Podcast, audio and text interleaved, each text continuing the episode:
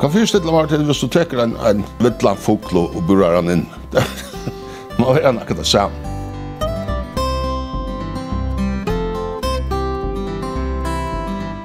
Det ble orda fulltreffar, radios for alt som det var.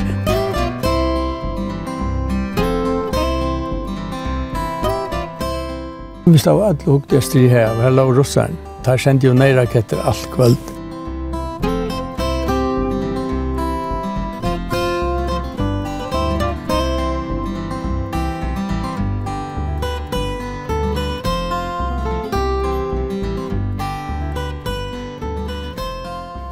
Det er framvegis godt vevor, og det er vekkort og ser mest her av borrene. Her han kjente Nølse Vite er. Nu er han automatiseret vår, men her har familier bo i mange år, og her er bøtten alt opp, og her var ikke i skola, og de har nekvar søver å si fra. Mange okkara minnast utan iva jolakalendaren Vitan, som var i sjånvarpnån, Jeg halde det var i 2006, og han var østen ved senter Atur Sjøane. Alt før fram i ståra vitanen her av borrene. Og fyrir meg var det òsne nostalgisk at vi ikke atur her i kjøret tøy, tøy vi var skoleutfer her. Tofta skole hei til fast at jeg halde det var kjente flokker som uh, kjør utfyr her av borene. Vi kom vi bati ut her, og vi kjau i vitanon og i husen, og så kjinko til Nalsier, og så tog bateren okkon attor her.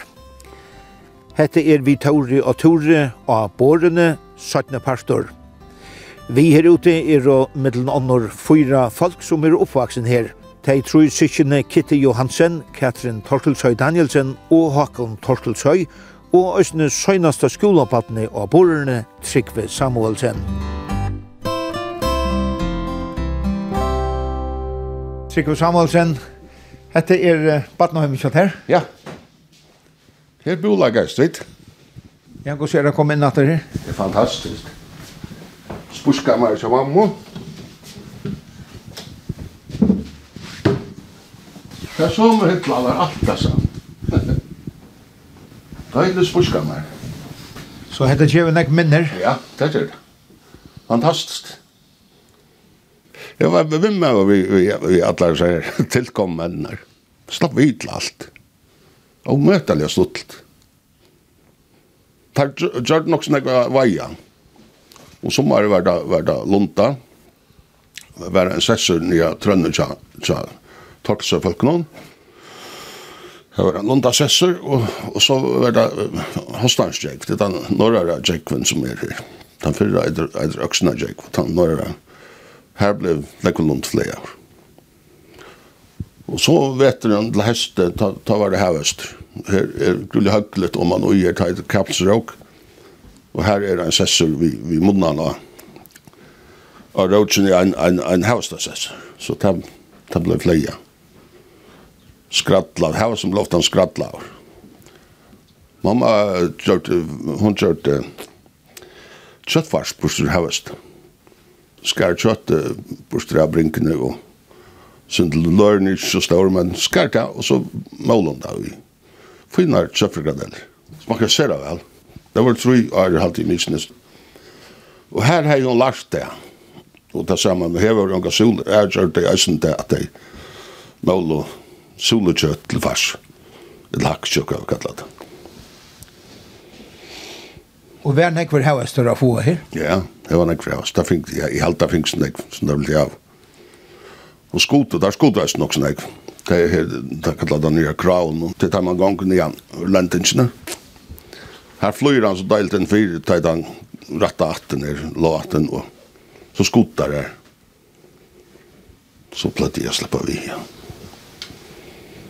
Det var en maur, han kommer ur bygden, Jakke Johansen. Ja han tomte så utrolig vel her med vi. Jeg slapp alt vi, alt. Og han var, var med og bortsett av. Og Jarver som var ikke skvært. Og jeg var smadronger, ta, ta hatter over han ikke sier, men man var slett ikke det er. Det var ikke stor mulighet at, at her var fekst. Og da man fekta, så det var en fristbok, det er omtalt, nå er kvart hus, er fristbok, det var en fristbok, så hun var til alt tro i husen det er ikke veldig nøyot, det tar vett, og, og, og så ble det tatt ikke til dørmorgen, da. Hette er så gammalt, jeg er på de aller sørste enda nå. Jeg er tru, tror jeg, jeg får av barn i 35, 35, 36, trus, 6. Tar det livet ved skola av barn. Jonna, søsten min, hun var til eldre, hun får ur skolan, da. Og Frida, søsten min, hun var til yngre, vet ikke en gang, ja, jo, hun var her om, over født, da. Så sluttet jeg det. Så var det til Havnargangsskolen ta vi om om om tutjatlar. Og her bor jeg tjena vinkon som mamma skal Solveig. Og her er det godt. Da jeg var sliv i skolan her i Halfjerst, ta for et skips, og da jeg kom atter under Funlandet, ta var det flott inn i husen jokken her. Så, så at han hadde vært bare pappen som var ute. Ta jinko. Jeg mener, det var seks år her ute, og seks år fru. Så altså, Det var et livligt sted å bygge her av borgen. Ja. Det blir ofta en spurt om vi kjette meg. Men her er Sverige ikke et sekund. Og til tog jeg at det slapp når vi i vaksna man arbeid, alle samtiden. Annars er det sikkert ikke helt. Da var du sjålan til ungar telter. Da var ungar telter, nei. Det var det som man kallar for en hustelefon. Ja, det første som var, det var radiosendare oppi, oppi, oppi, radios nå. Så trukkalt halv, ta var samtalt og i telefonstøyen i havn her i Østnedsentere. Og så ble det kallet opp, og så, så, så fikk dere vite om det var en samtale eller en annen samtale. Så, så man bestilte en samtale. Men så satt den, så kom en hustelefon ned, og så var det en veksler her oppe. Båren hei 31, 30, 22. Det var telefonnummer i båren. Så ble det stilt lom her opp. Eilfond var her i Tjokken og Einsa Taimen, ja, Eilfond parst. Og Trygve Samuelsen, to år søgnaste skolanæmen går til søgnaste skolapaten her ja. av Borne, og her er en bok, her stentor uh, skolen av Borne, ja. Det søgnaste er i 13. mars og i 26. Ja. Da var det Og så måtte du skola tantein. Ja, det er sikkert aller sist. Jeg kjenner ikke altså skriftene, det er sånn som jeg var lengst igjen. Jeg kan ikke ut fra at Elenborg er vært han som er vært den sørste vikaren som er vært. Jeg halte det bare. Trygg, Trygve, hvordan var det så at det kan skola av borgerne? Det var, det var fina greier. Altså, jeg minnes det ikke, ikke helt om det. Vi visste ikke om noe annet. Men så da vi kom her i bygden, det var noe helt annet ja, ja, nu stendig Jonna Johansson her, og hon var døtt dötter Jakob Johansson. Tej tej av värde her var stå till vid jag pappa sen så hadde hade Bergen skola det är så farligt. Check sjukt på i sårt. Men jeg kom til havna, Det är inte mer släck. Jag går lunch och kom til venja om vitta. jeg vet ikke hva felt. Kan fyrst til hvis du teker en vittlan foklo og burar han inn. Man vet ikke det samme. Så her var det en frye fugler. Ja, en frye fugler, ja. Torastan. Vi, vi fikk av vite at vi skulle ikke fære ut om her er alt innhekna, jeg vet ikke hva det er en treer størrelse igjen. Kufa og glokksåret og Men vi skulle ikke fære ensamme ut om hekkene, så, så var det ikke vant jeg for, men det, det var grulig ofte da ble snuksløst det. Ja. En affär tar jag tar kan fortelle deg En av tar da jeg var smart så så jeg pop men just just en liten flere stonk.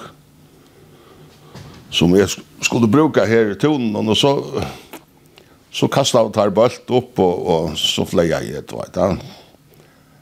Men det var nok så kjøtt, så jeg snukte meg om en kapsel og vi så flere stodgjene. At jeg får omkring her, som det hadde ikke lukket, men... Jeg gjør det til å bytte. Jeg lett flere av ståndsene ligge etter i sessen, og jeg atler meg om han at settene.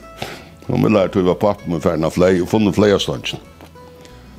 Så hon enda i Kappelsund, han er sendt henne så lengt ut som han orska i sier han, og så var det sluttet tog. så fikk han noen år til han kom til hus. Ja, jeg har tid sånn, han vil bare hjemme at det så jeg ikke vil. Hvor skal man være til da? Ja, hunden og veit, fem-seks tjej kanskje.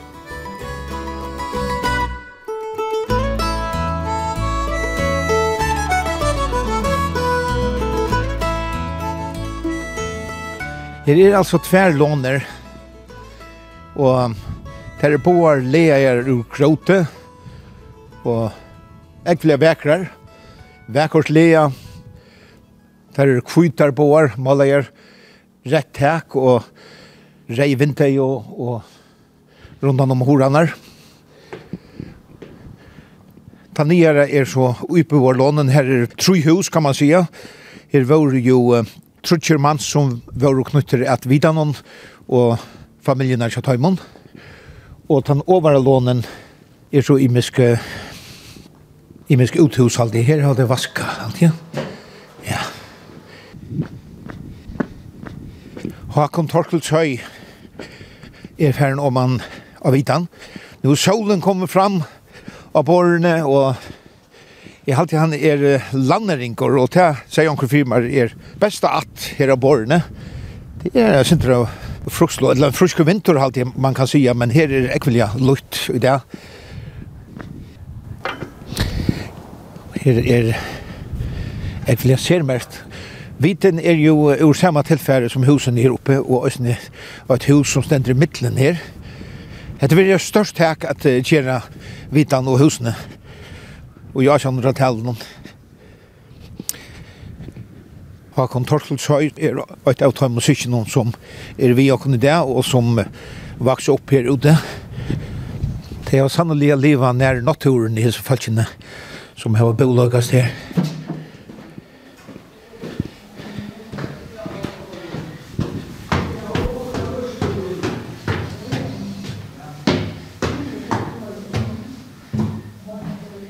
Vi ständer stender nere av bakkanen. Det er fett pett jeg kan gå man ner fra husen her oppe.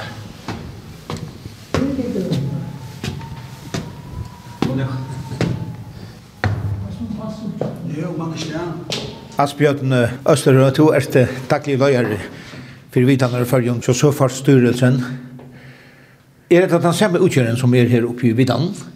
Ja, det er det som vi tenker etter. Det er den mekanismen som driver linsene, altså linsene vet han altså hun meler, hun meler rundt, og hette mekanismen som driver han, det er alt opprunnelige.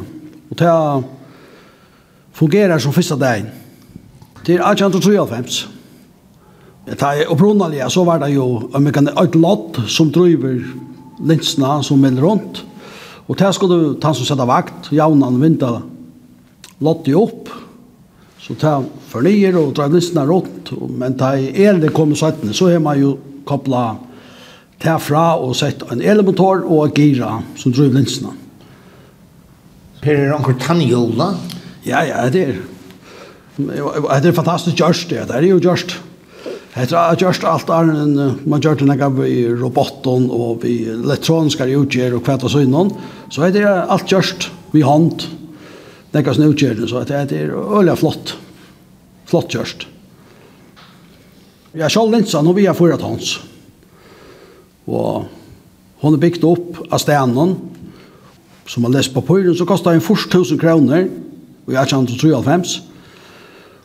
Og han krytter åkne på at det er om stenen mellom 20 og 30 millioner i det. Og det er bare linsen. Og så kommer alt hit til å drive linsene, og det som hun sender av, og, og viten sjølver, og sethusene, og ja, alt, alt det som er viktig av stedet. Så det er øyelig noen penger lagt til å bygge det opp. Og det var sånn det nøye å ta at viten kom her, da?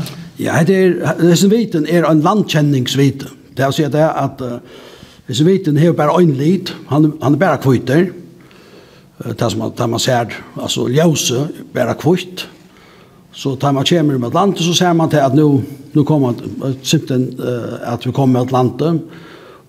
Hette er viten som er av Estesøyne i och og viten som man ser från havnene. Han är, er viten abort tänka. Han är kviter, gröner och rejer. Och till tar viten så forteller jag om, om vi kommer för när landet enten österrätt eller västerrätt eller sore norr. Alltså vi kommer för när landet. Vi skulle halte och ut och kvita i Østen där vi cyklar.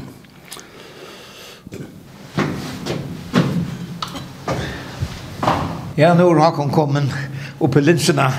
Ja. Ja. God dag, god dag och välkommen. Ja, tack. tack för det. Ja. God så känner sig att sitta attor här uppe i linserna. Det är den största linsen då. Är det det? Ja, en av dem alldeles. Ja, det är något tulkar sammanslag här vid Årst. Som är en lycka stora. Det följs, det följs gott och längst sedan jag var inne i. Nekvar så jag. Senast jag var inne annars arbeidde jeg noen år rundt som jeg kom her. Arbeidde i seks år. Hva gjør du da? Til ta tjekk man vakt, da jeg hindret å bruke for det, så det var frøy, ferie og sjuk og så var det. Og så arbeidde man firefattende arbeid, til dem som var mann arbeid og så var det, og så ferie og. Og da kom det i svaret, Det er fantastiskt olika. Man vill inte trycka det alltså at att att ska vara byggt på tvei år til. Og alt gråtet til vita mer er brått i her ut, om man får sette oss her opp. Det låter utroligt. Og høgt til, ja. Och ta så pencha da, alltså.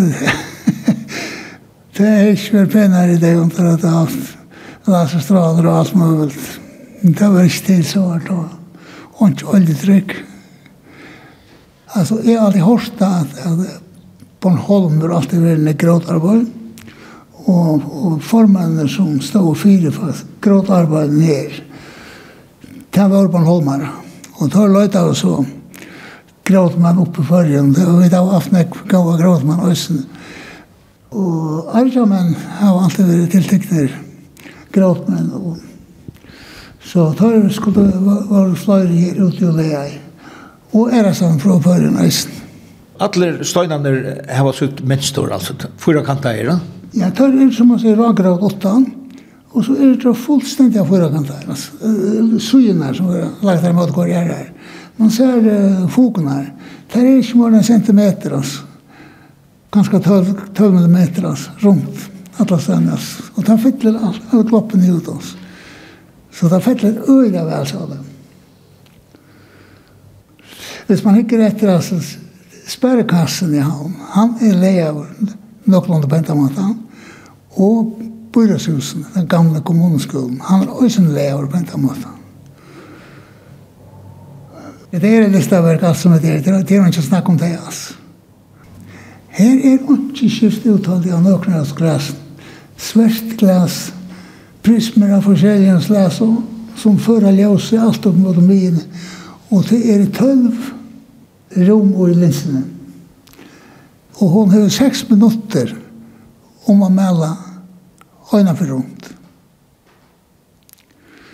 Så at det tar hun strål, tar hun linsa med det rundt, så sender hun strålen her ut i kjøkkenet i seg, Jeg seg gløsen her, og til en halvt minutt i middelen kvart, kvart ljøs tvei blinkon minutter igjen. Og først jeg minnes, da var det kvøldbærener og torska av etter, etter glasen og vaska, det ble vaska av spritt, ikke, ikke kvøldbæren, men, men ofta, og, og, og så mest ikke skulle være øyla, vel der hadde var øyla særster om. At det ble, var, var vel helt, Ta det var ringe ved hvor var det sjankt du vant mye jeg gjenga mittlen. Jo, jo. Mittlen vitan og, og husene. Husene, jo. Altså, det var godt rekkverk, så jeg har omgang til Horsten, da en har sett i munnare tog, men jeg var ikke en omgang med over feik, altså, har munnare tog ut. Så det er øyelig, øyelig jeg vinterstender også her. Da er øyelig der er... Er det noen at som er særlig kjeilig?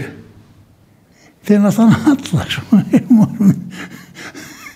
Det er så apart. Men höten alltså, hon är den frästa. Och från landringen till, till västan alltså.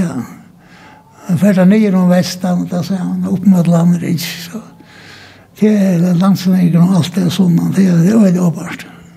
Utsändigarna kanske har tendens till att ha öliga nekvanvind ofta. Hvis han ligger landsen så blir det mer jant og, og trave vinterlands.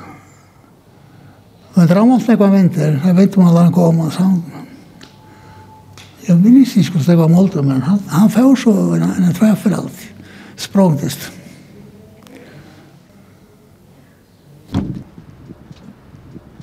Ja, nå er vi ute i å svælan on her. Det er høgt. Nå er vi 72 meter over havnen. Hette Kapelen sender oss fra? Kapelen sender ut, ja. Det var nok vi tog så om hva det kommer av årekapelen. Men jeg tror ikke man er til nøste greier for meg at det er en kapelaner. Å ja? Ja. Tog jeg munker den andre Vi som bjentan, og bisperen han sentra når du forklødene. Så så fyllte det litt av kapelaner. Det tror vi på oss. Ja. Det er jo ekkert troligt. Jeg sørste så træen her så var innlagt der innenfor hekten i, og helt over til åndar, helt der i huset. Atlan veien, tru kofåger, ja, for meg så var jeg faktisk vei kofåger. Og så så jeg vet hettlen her, flåa litt her, men her, vi slupp ikke om man var her og spela, som bare, det slupp vi ikke. Så han forvanta meg ikke å kunne være oppe her, men så hadde vi tvei vatt som litt nok nærvig, som vi var grønne nekkoa. Her var det kompik og alt mulig. Han har grønne trøy, han har akkurat trøy. Er det grauer? Grauer? Ja, ja, ja. Altså, altså.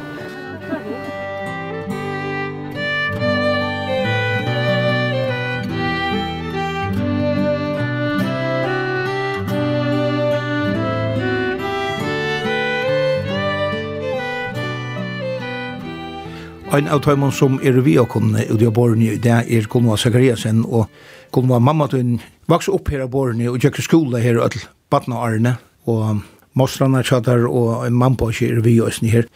Du har jo skriv her som mamma tøyn har skriva, mm -hmm. Elenborg, som uh, ikke er middel nok møyra. Hva er dette for skriv? Du, jeg heter jeg skriv som jeg har funnet hjemme til dere.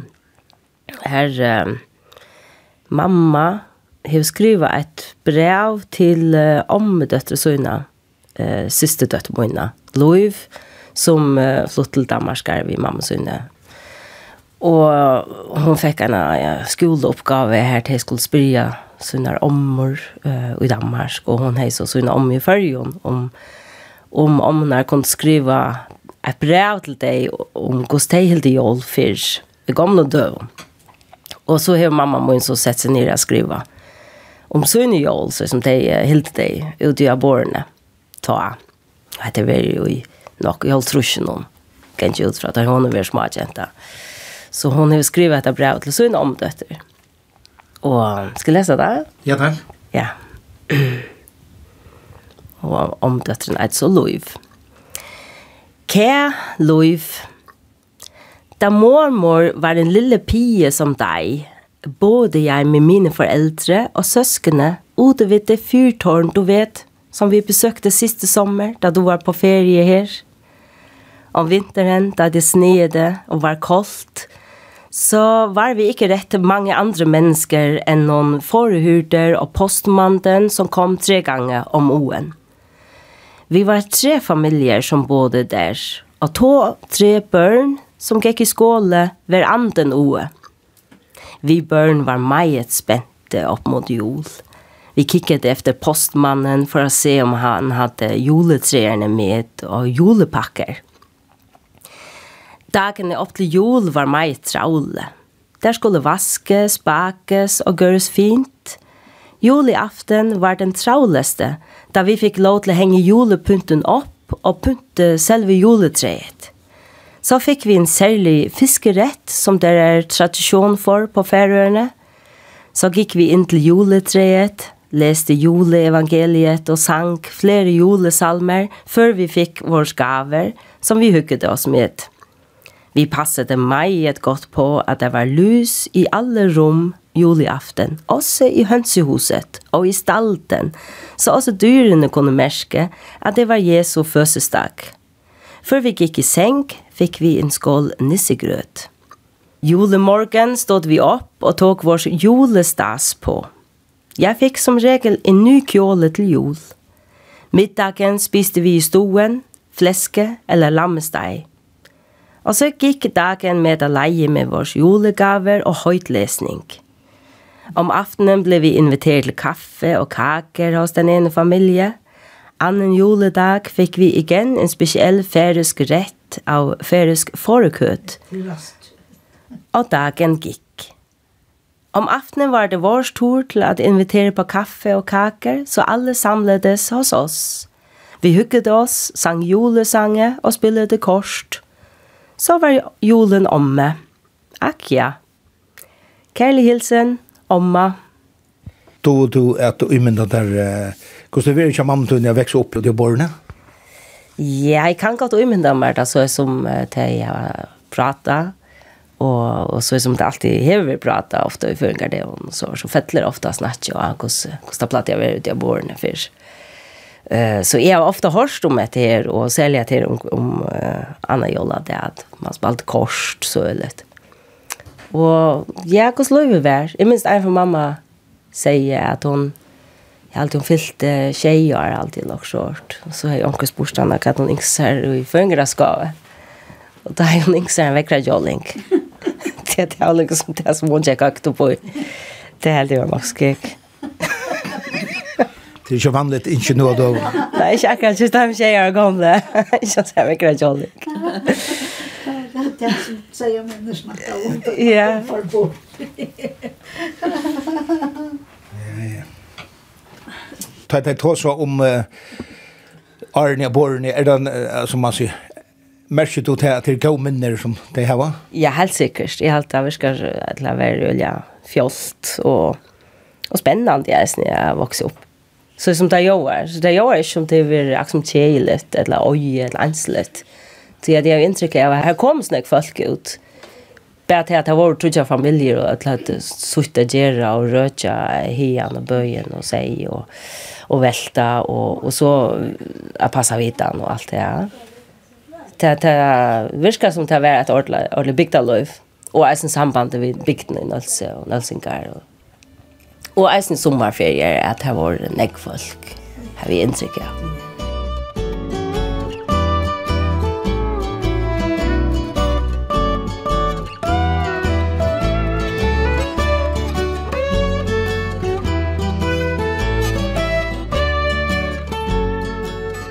Hans Peter Kjer på Økjes Vita Passaren. Jeg vil hørste ankrar spøkelsesøver her av borne, og nå er du er nek var her ute. Jeg tog mest nekka even naturligt. Ja, da jeg tog kommer inn og at det her, så har vi en affær når vi konfronterer vi saunen, vi en av saunar i henting. Det er en av nattene og i til å være i Og dette var om 4-5 tøyner av måttene, jeg lå svev. Da ble vi vakte ved at horon kommer smekka i statter. Vekker var det aller beste, jeg får så opp og hukte kanskje om at det var noen jungtrekker liksom, som, som gjør det at horon er smekka atter, ikke vi rørte lille asse, liksom, men her var det vinter i atter. Så her var han ikke. Så jeg får så leie meg atter, og jeg er kanskje dyr over, og godt og vel det. Nå smekker atter, Og øren sinne horen at.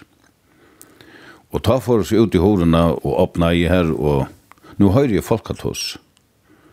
Men det var så komt for meg til folket så jeg tenkte kanskje det var det.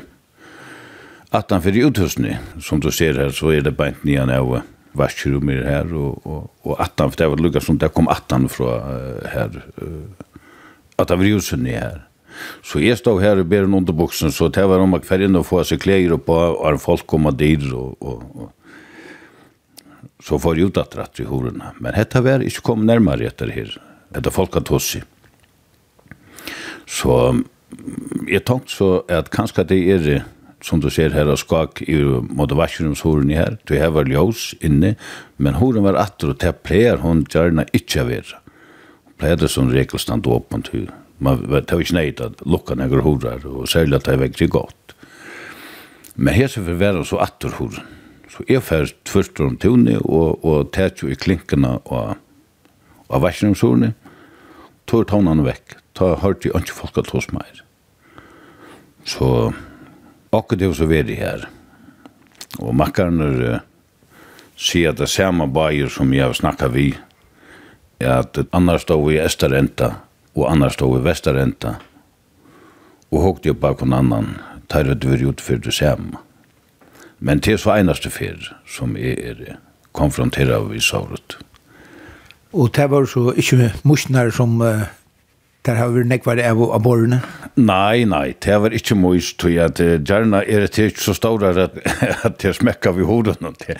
Men det kunne lov og slik at det er med kjensvold, men, men nei, nei, hette var horaklamsen, så det var slå.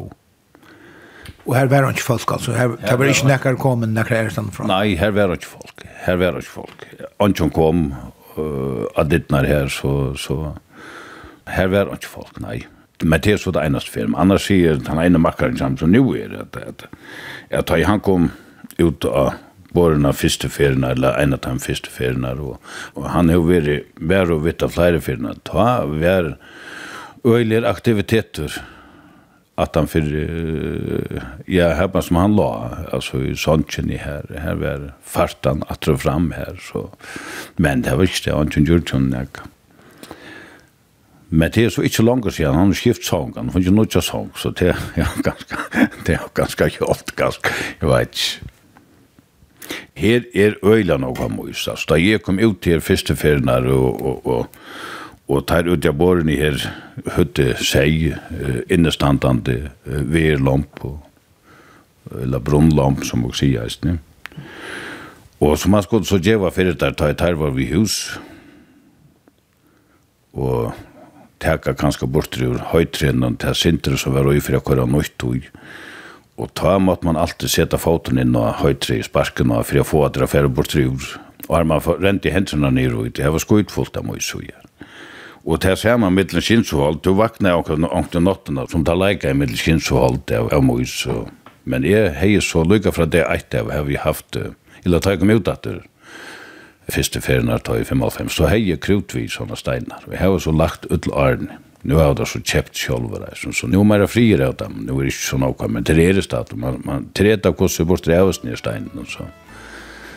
Men til minkan av, du har det ikke min kinsvold langt, det er rett og ikke. Og i Bøgøt og i Havn bor 92 år gamla Julianna Samuelsen. Hon er øyt atterlig eldre enn tei som er vi okkon uti av borne. Samma vi mannen Olafe, som var ein av vita passaren og bøtten boe Julianna av borne i mange år. Julianna Samuelsen, Nå nøkker år så gjerne tid for av borene. Hvordan er det år for tid? 16 år. Ja. Og her var godt å være. Det var deilig å komme på årene fra Mykjenes. Vi kom av Mykjenes hølm og i 1900 og 1900. Jeg tomte ikke vel, men jeg får. men vi hadde det godt, det var trutje familier, og det var ordentlig fitt. Ja. Men jeg dømte jo ikke å gjenge hjem bygdene. Jeg var omkring tur, men jeg var så bensk for å gjenge at det var bønt nyr og jævn. Og så flyttet vi til aborene, og da kom fyrmeisteren og kona vi. De åtte trodde at drønger tar var alle færen til havner og lærer. Og vi var velkomna på årene, vi var, vi var ødelykka vel. Og jeg minnes det her kvalde. Vi hadde ikke hatt ikke finnes noen fisk eller knytter. Og så var vi pjøvet til døvren inja torksøy. Så da er lik knett godt å få en sånn døvren. Minns du til Katrin? Vi kom og stikkene få døvren om kvelden. Da er mamma den gjør knetter. Da er lik knetter. Ja. Ja. Det var en god mottøkka. Ja, det var så fitt. Ja, ja. Nå hører man mest om arbeid til tja mannen hon det her via a passa vitan, men konar, der har du stora oppgaver også, ja? Nokka gjøre. Det var ønsken å gjøre nekka fyra okkon. Vi måtte bæka alt som vi blev ete. Brei og kakor, finge ofta besøk. Vi måtte ut øye okkert inne. Ja. Det kom sånne folk ut av båren. Ja. Særlig om sommer, oftan. Ja.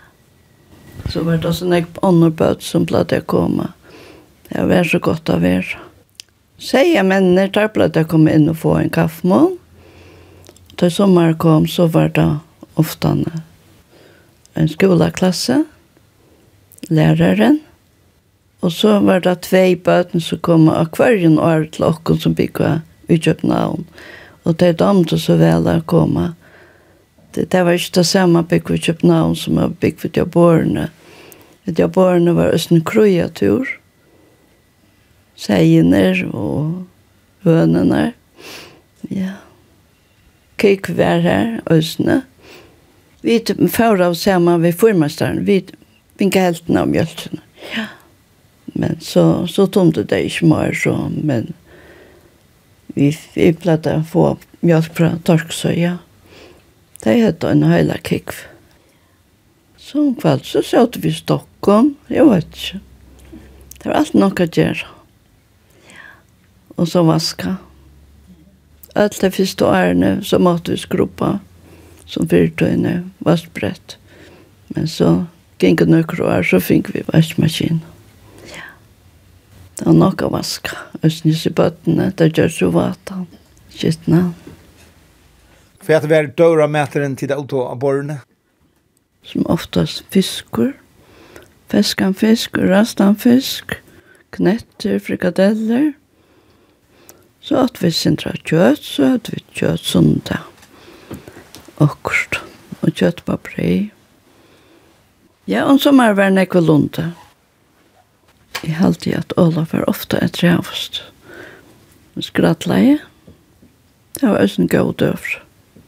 Kjente du til omgang til at du var lengt borster fra omheimene? Jo, vi først så engste jeg meg av være i havn, men uh, nei, nei.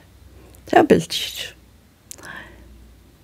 Ja, vi var akkurat kommet ut, så, så jeg kvalte, jeg var ensam til inne, og la for radios nå.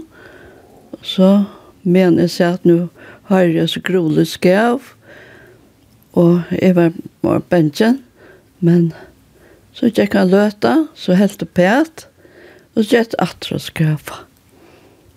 Men så måtte jeg fortelle hva det var som jeg hørte. Men så fikk jeg vite fra Tøym og det var, det var fra mus. Musene som skava inn i midtelen. Gjinn så holdt, ja. Det var en ekva mus. Og da var det, kom der inn.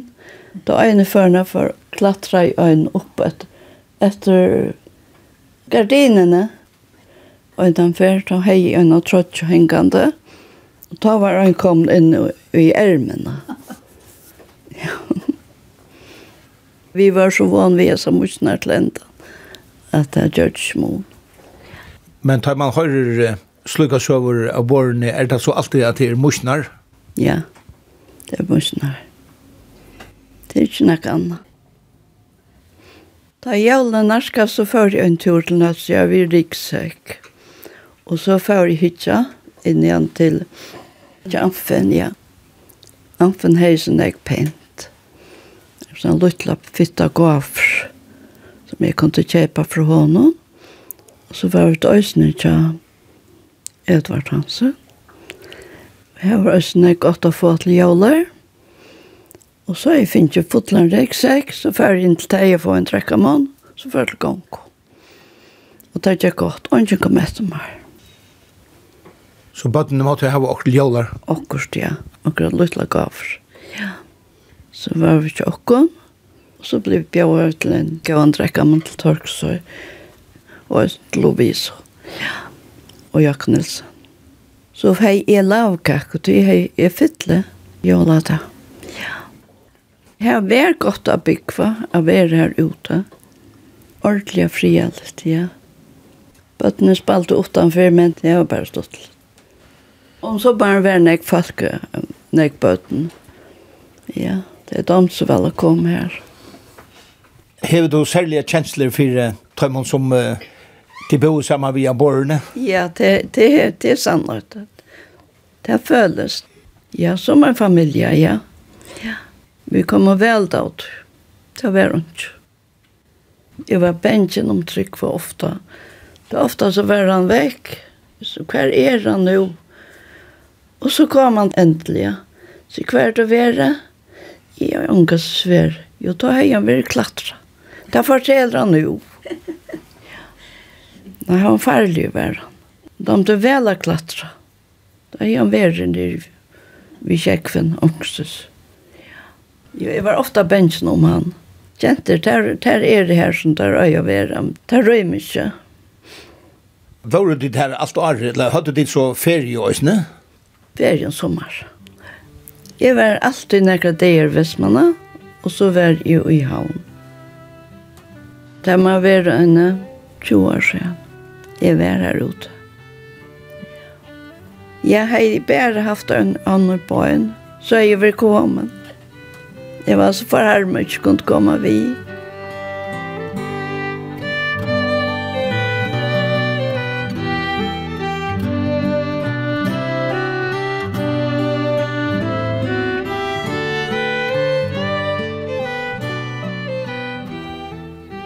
Håkon Torkel sa i, du tjekst du skola av borne.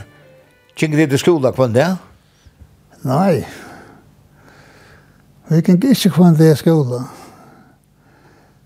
Det var så at det var ikke lærere ute av borne på et at han har krutsjen. Så jeg ble sitte gammel Arne for skola. Det var 20 år. Da får jeg først for skola. Ja starta inn i lampa. Nekra måneder og så tar jag inte sommerferien han kom. Det var veldig om, om var jag ena för. Och så er han for skole ut i han klivrum. Och bor jag klivrum så er han måste må inn her. är. gikk gick på så skolan kvant där. Jag gikk et år i skole. Men så kom læreren ut av borgarna. Så ble två lærere nøsse. Og Och læreren, Han kom så är det kvar jag vik ut av borren. Så jeg jag i skolan är det kvar jag vik ut av borren. Resten av tiden fra at jeg var en fra at jeg var et år gammal. ble kom kommit av, jeg gikk faktisk et år tre etter ut. Jeg gikk et år etter han at det var kommit där. Jag blev kommit där om häst. Så jeg gikk han, han vet det ut av eisen. Gick så læreren i mittlen Nøtsjø og Borna? Ja. Han var en av vika agenten her ut. Han kom ut mandag morgen, eller sånne kvalt, og så gikk han til viken ut, ut av Borna, og så får han hjemme til leir. Da gikk han til skolen kvendt det. Så han var en hele vika agenten da han kom ut, og så var han en hele vika bort. Så vi hadde frøy er hver vika. Då vet jag nog att jag läst på. Jag vet att som kom av båren här i 84. Han har tenkt en son. Og vi var mest av gammal. Han var lite sådär yngre i det. Så vi gikk i skola sammen ut av båren. Vi var två år. Og så kom yngre syskon som er Och i skolan. Og onkne var ånne bøtten ferast, og de kom også i skola, der vi var i skola. Hvis de hadde tann alter. Så det var uh, fitt skola. Två er navngar for det mest. Tatt vi læreren alla togina. Det var... Han er god at tog til navngarna, ja. Det skal han øye. Og så det han blir kanskje alt for lenge. Så får vi en spasere til ofte. Så det var godt vi. Då kunde man så tjockt där, planter och annars så här. Det var også som vi gikk øyne høyde på at fokler var, det var nekko fokler, høyafokleren og smafokleren, altså Så det gikk øyne høyde på, ja, så fyllte fyllte øyne vel vi. Dømes heian som pap røkta, altså. Her hadde vi visst, vi visst om alle røyrene som var over, altså. Han kom nok snakke fremmede fokler her, men her, her stekka av kjoldan og, altså, kvilte seg her. Ja. Han kom nekk av innan vitan, særlig om hestanar. Han kunne komme øyla nekk og fuklar, da kom strålene, og så stod der inn, inn, inn i vitan av glass. Det var ofta han slags av nekk og fuklar på nyer etter, vitan. Mest Mestliga kjoltan lå der mest mestliga kjoltan kunne henta sjonkor. Men det var så klara seg bortstrat langsveksna. Det var ensøy svart og, og Men for jeg kom bøtten og foreldre og søskene så har vært her. Altså. Det var også vi slett ikke om.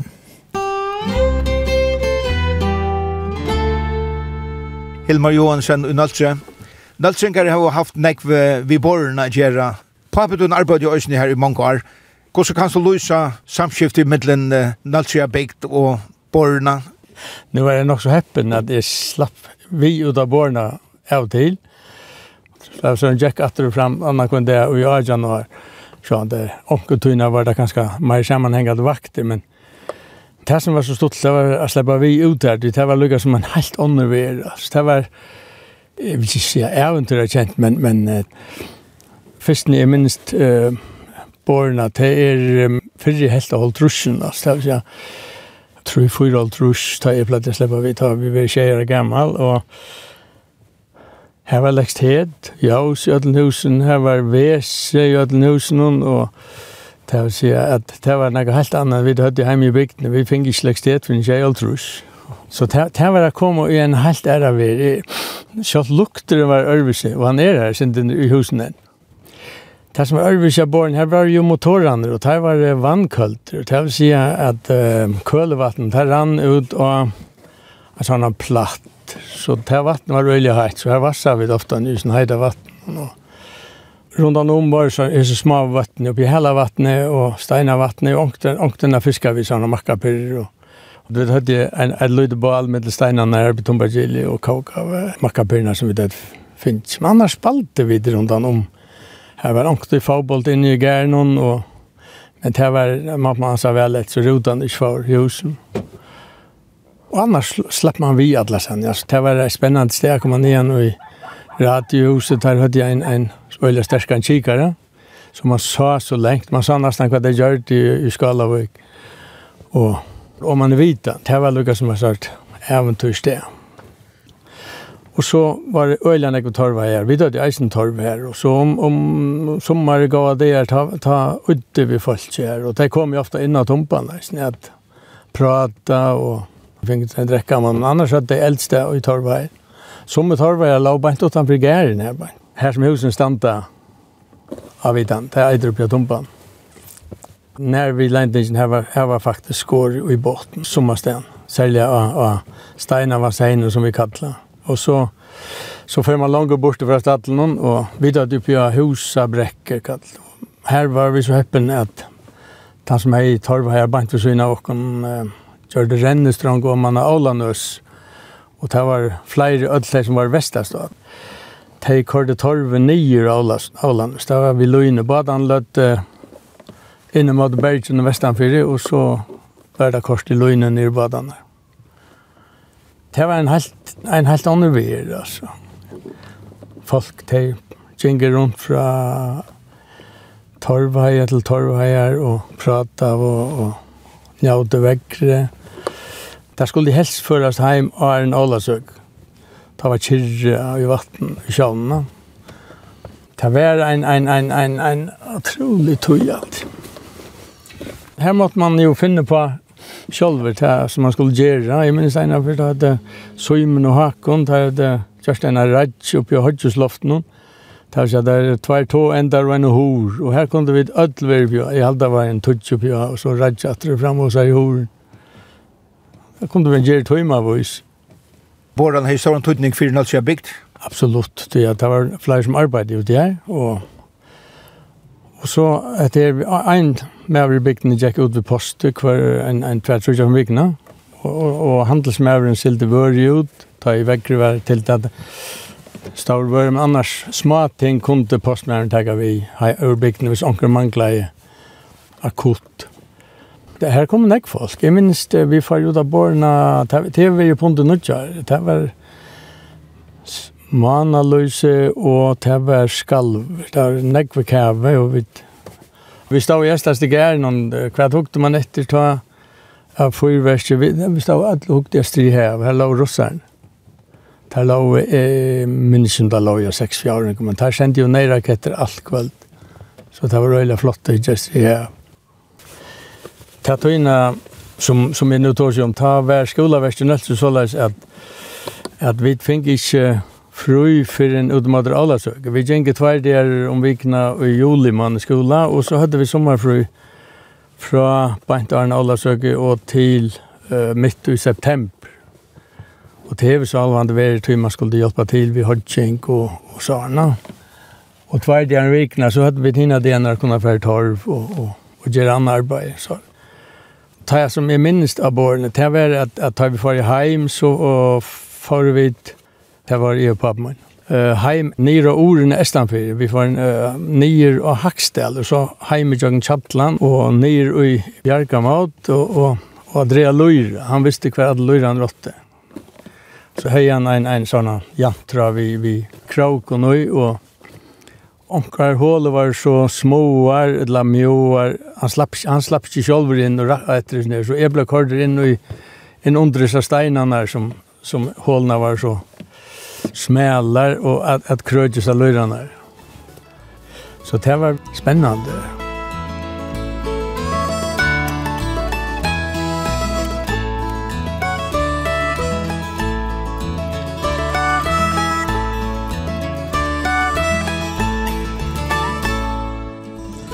Ja, nu er vi nedanför setthusene, og her er trutcher vekkort lia er gærar. Er dette så orsakaren kom? Katrin? det var ikke planta sånn ek. Ravarper. Vaksa vel her? Det. Kan du vaksa vel? Nei, jeg halte ikke det. Alla, det ble ikke just når på surt. Det er mye til at jeg har til Georgia for tre, jeg vet.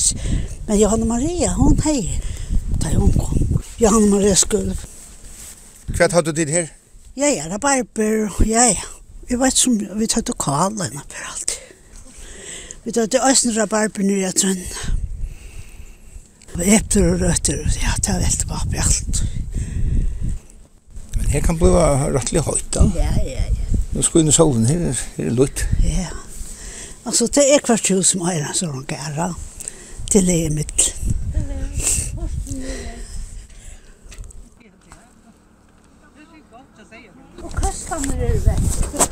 fram til å være vekk av eisen.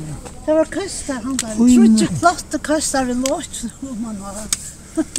Tar alle borster? Ja. Jeg vil nekka borster inne i, i torsjerommet. Nei.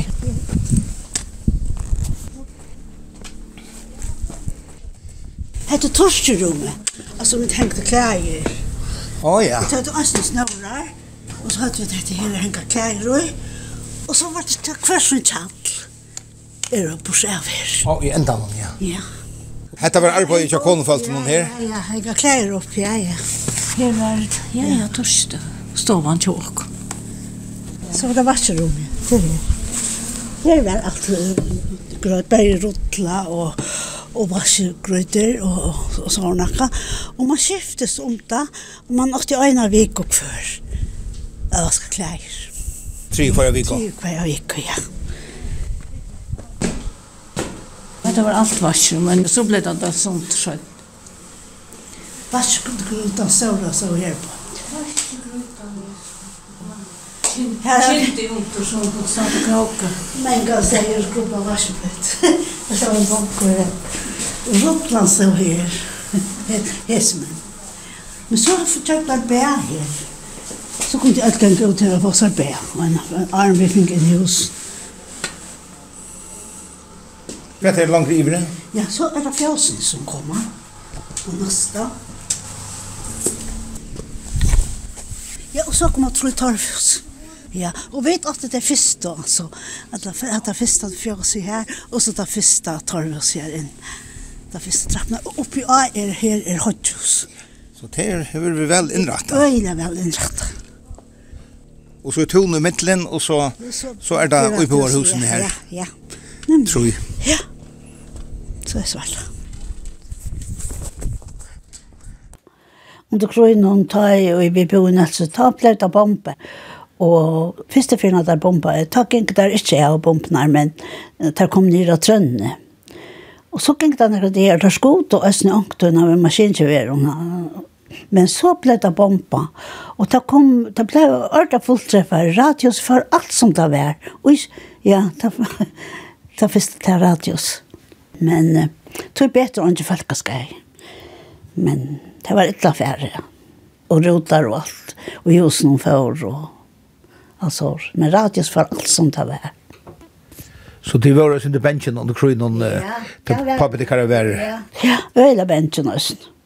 Det var benchen om han. Under krynen bo bare altsmenner i husen og føringene som arbeidde her. Bo i Nelsi og gikk ut til vaktene her. Og bo i fyren. Forholdene var ikke så gode å bygge her.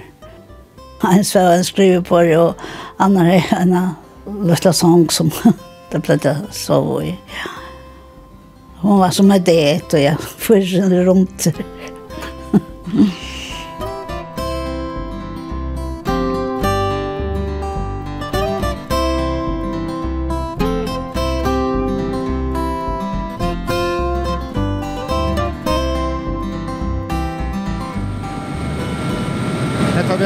turen av bårene, og et ekvel jeg forkommet sted, her nek folk heva blodagans takk ut av mer, framme i ser folk ut et vita noen, men ikke bor fast her langer.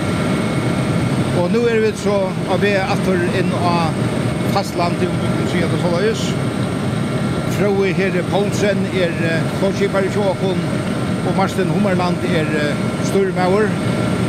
Og jeg kan ikke annet enn takka til det tennasene til Atlantic Airways for at dette leser gjerne vi velvilt. Eh, samskiftet vi Hans-Erik Jakobsen som er løyere for Tyril og Døltene. Der har vi så først åkken ut av borna og kom atter etter åkken mittlen turer i rot og i det. Vil du hva at høyre sendingen er atter, så kan du fære inn og hjemme og så inn skrive kvf.fo framskak TT, og sendingen er også Studio av Facebook, vi tåre og Tore. Her er mitt landa mynter som du kan sutja fra Hesonturen og Øronturen. Og sendingen er også som podcast. Etter er best at sia at vi tar oss ator om Øyna Viko. Takk det, hesa ferien.